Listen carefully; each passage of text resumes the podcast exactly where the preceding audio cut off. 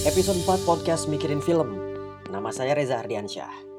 Setiap pekan saya mikirin film. Maksudnya bahas film tapi dari angle yang lain. Contohnya film Dark, serial Netflix yang udah tamat di bulan Juni 2020. Inti ceritanya sih tentang warga sebuah kota bernama Winden di Jerman yang terjebak di sebuah siklus paradoks waktu. Maksudnya gini, tokoh utama kita namanya Jonas. Bayangin nih, ayahnya Jonas ternyata teman mainnya sendiri. Pacarnya Jonas ternyata tantenya sendiri. Semua itu bisa terjadi karena ada yang namanya mesin waktu. Tapi sebenarnya film Dark bukan cuma permainan sebab akibat dari adanya mesin waktu. Dark ini lebih jauh menjelaskan bahwa Einstein bilang ada yang namanya black hole, sebuah lubang hitam besar dengan massa raksasa dan dia menarik sesuatu ke dalamnya termasuk cahaya dan tidak bisa keluar tuh dari black hole itu. Even cahaya yang kita percaya itu konstan ya kecepatannya. Dan di balik dari black hole itu ada white hole. Nah, kejadian kiamat di Winden di power plant itu memicu Yang black mana? hole. Kiamat yang mana, Bang? Yang di dua-duanya ya? Maksudnya di di alurnya If sama alurnya Adam berarti ya? Dua-duanya ya? Bener kan? Kiamat kejadian di satu momen yang sama kan?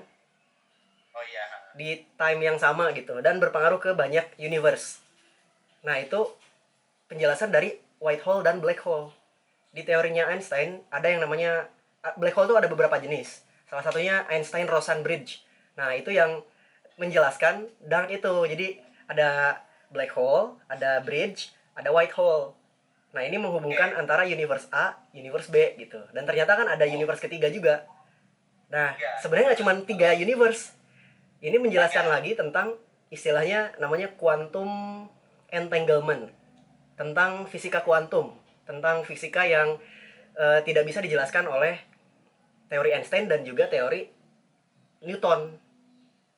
Itu ada di lately nih episode yang baru gua tonton ya, episode ke-7 di season 3 di bagian awal. Lo inget ya ada penjelasan dari eh Tannhaus muda tentang percobaan kucing Schrödinger.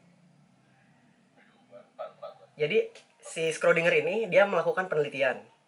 Masukin kucing ke sebuah kotak. Di kotak itu ada sebuah zat radioaktif yang ketika zat itu meluruh, dia akan memecahkan racun yang kemungkinan bisa membunuh kucing itu. Apakah kucing itu mati atau bertahan hidup? Ada satu hal yang bisa membuktikan. Kita nguji sendiri kan, buka kotak itu lalu lihat gimana kucingnya hidup atau enggak. Analogi hidup di kuantum itu di objek yang sangat kecil ya, yang atomik gitu ukurannya. Seperti itu. Kita nggak bisa memastikan apakah itu benar seperti itu karena tidak bisa kita tidak bisa sekecil itu gitu. Film lain yang juga ngejelasin hal yang sama itu Ant-Man.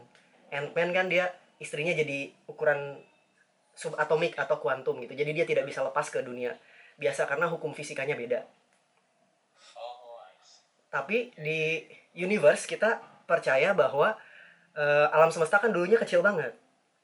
Ada temuan dari em, satelit bukan satelit, teleskop Hubble bahwa alam semesta itu mengembang. Jadi jarak antar bintang itu selalu menjauh dari waktu ke waktu. Artinya kan mengembang. Kalau mengembang, dulunya pasti menyusut. Dulunya pasti kecil banget. Makanya ada teori Big Bang. Rekaman suara tadi diambil waktu saya ngobrol sama Rifki Maulana. Dia punya podcast namanya Rifkipedia. Ke Rifki, saya jelasin juga soal black hole sebagai penghubung antar dimensi dan filosofi Nietzsche yang ada di dalam film Dark. dimensi satu tuh gini dimen yang namanya dimensi satu itu cuma satu titik. Dimensi dua itu panjang dan lebar. Dimensi ketiga panjang lebar dan tinggi. Kita kan menguasai tiga itu kan bisa maju mundur atau ke atas atau ke bawah. Nah tiga dimensi. Dimensi keempat itu waktu kita tidak bisa berkuasa atas waktu kita tidak bisa balik ke masa lalu karena waktu kita tuh linear sama kayak kita tidak bisa mengintervensi makhluk dua dimensi dua dimensi ini kan cuma panjang dan lebar bagi makhluk dua dimensi, misalnya kita kita eh, nginjek tegel nih. Terus makhluk dua dimensi kan tegel nih. Dia akan lihat bentuk sepatu kita.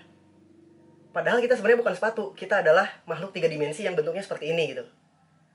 Oh, Nah, bagi makhluk empat dimensi, kita eh, punya bayangan yang berbeda gitu. Iya, iya, iya, dan mesin waktu yang ditemukan Tannhaus itu mempengaruhi waktu sehingga eh, kita bisa berkuasa atas waktu gitu. Balik 33 tahun ke masa lalu atau 33 tahun ke masa depan. Itu dari sisi ilmu alam ya STEM gitu loh. Science, Technology, Engineering, dan Math yang dijelaskan oleh film Dark. Belum masuk ke ya. filosofisnya Nietzsche. Kalau kata Nietzsche kan time itu eh, seperti sebuah eh, bidang datar gitu loh. Ya, flat circle, Bang. flat circle benar. Jadi si orang-orang merasa bahwa jadi gue nonton tuh video di Slate Slate eh, video Slate sama nama channelnya Slate. Dia bilang orang-orang sering salah sangka soal kutipan itu. Mereka nyangka bahwa time is really like that. Well actually itu tuh analogi aja supaya kita menjalani kehidupan sehari-hari nerimo aja gitu. Udahlah kayak gitu emang hidup tuh gitu.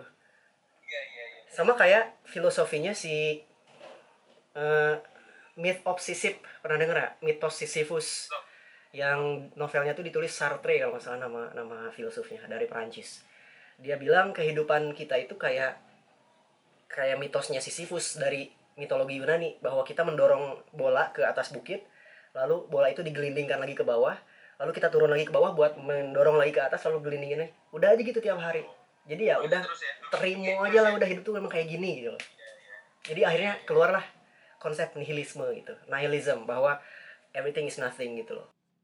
Obrolan sama Rifki tadi sebenarnya diawali sebuah video esai yang saya publish di medsos di satu atau dua bulan lalu. Video itu bahas tentang buku A Journey Through Time yang ditulis Tannhaus di film Dark. Ternyata ada versi aslinya nih di dunia nyata. Judulnya 1984. Ditulis oleh George Orwell. Temuan itu sebenarnya gue terinspirasi dari podcast yang gue dengar tentang pembacaan 1984, 1984 yang dibikin sama Hestia apa gitu. Dia bikin pembacaan bersama novel 1984. Lalu dia merekam impresi dari orang-orang yang habis baca buku itu. Dan ada yang bilang, gue stres setelah baca 1984 karena ini kok jadi kayak kehidupan kita hari ini gitu loh. Kita tuh nggak ke mana-mana. Kita sama seperti apa yang dinyatakan di 1984 bahwa ada yang namanya digital dictatorship, ada yang namanya eh, polisi pikiran. Kalau di 1984 kan ceritanya distopia ya atau masa depan yang suram. Jadi di sebuah negara ada empat kementerian kalau nggak salah. Mini truth, mini love, eh mini peace, mini war, Ya. apalah gitu pokoknya negara tuh sangat otoriter yang sebenarnya Orwell menulis ini atas kritik untuk Uni Soviet yang waktu itu di masa Perang Dunia Kedua lagi berjaya ya. Iya kayak Dark ini kita kan di toko Dark mendapati tokoh-tokohnya tuh itu-itu aja di satu tempat dan nggak keluar dan mereka terjebak di satu loop itu yang loop yang nggak bisa Ya. keluar gitu dan twistnya penonton akan dibikin bertanya-tanya tentang siapa sih yang pengen memutus twist loop ini siapa yang pengen loop ini agar terus nyambung gitu kan dan sampai season 3 episode 7 gue belum mendapatkan klimaksnya nih siapa sih yang ada di posisi mana gitu jadi bener-bener twisting Season 3 episode 7. Baru sampai situlah saya nonton serial Dark. Meskipun udah tahu endingnya, saya tetap sih bakal tertarik buat nyimak tiap episode sampai akhir. Well, kita lihat nanti. Nemu apa lagi ya dari serial itu? Meanwhile, kalau kamu mau simak obrolan lebih lengkap antara saya dan Rifki soal film Dark dan hal lain di sekitarnya, tunggu aja rilisan terbaru podcast Rifkipedia. Thanks for listening. Mari kita diskusi lewat akun Instagram Mikirin Film. See you next week.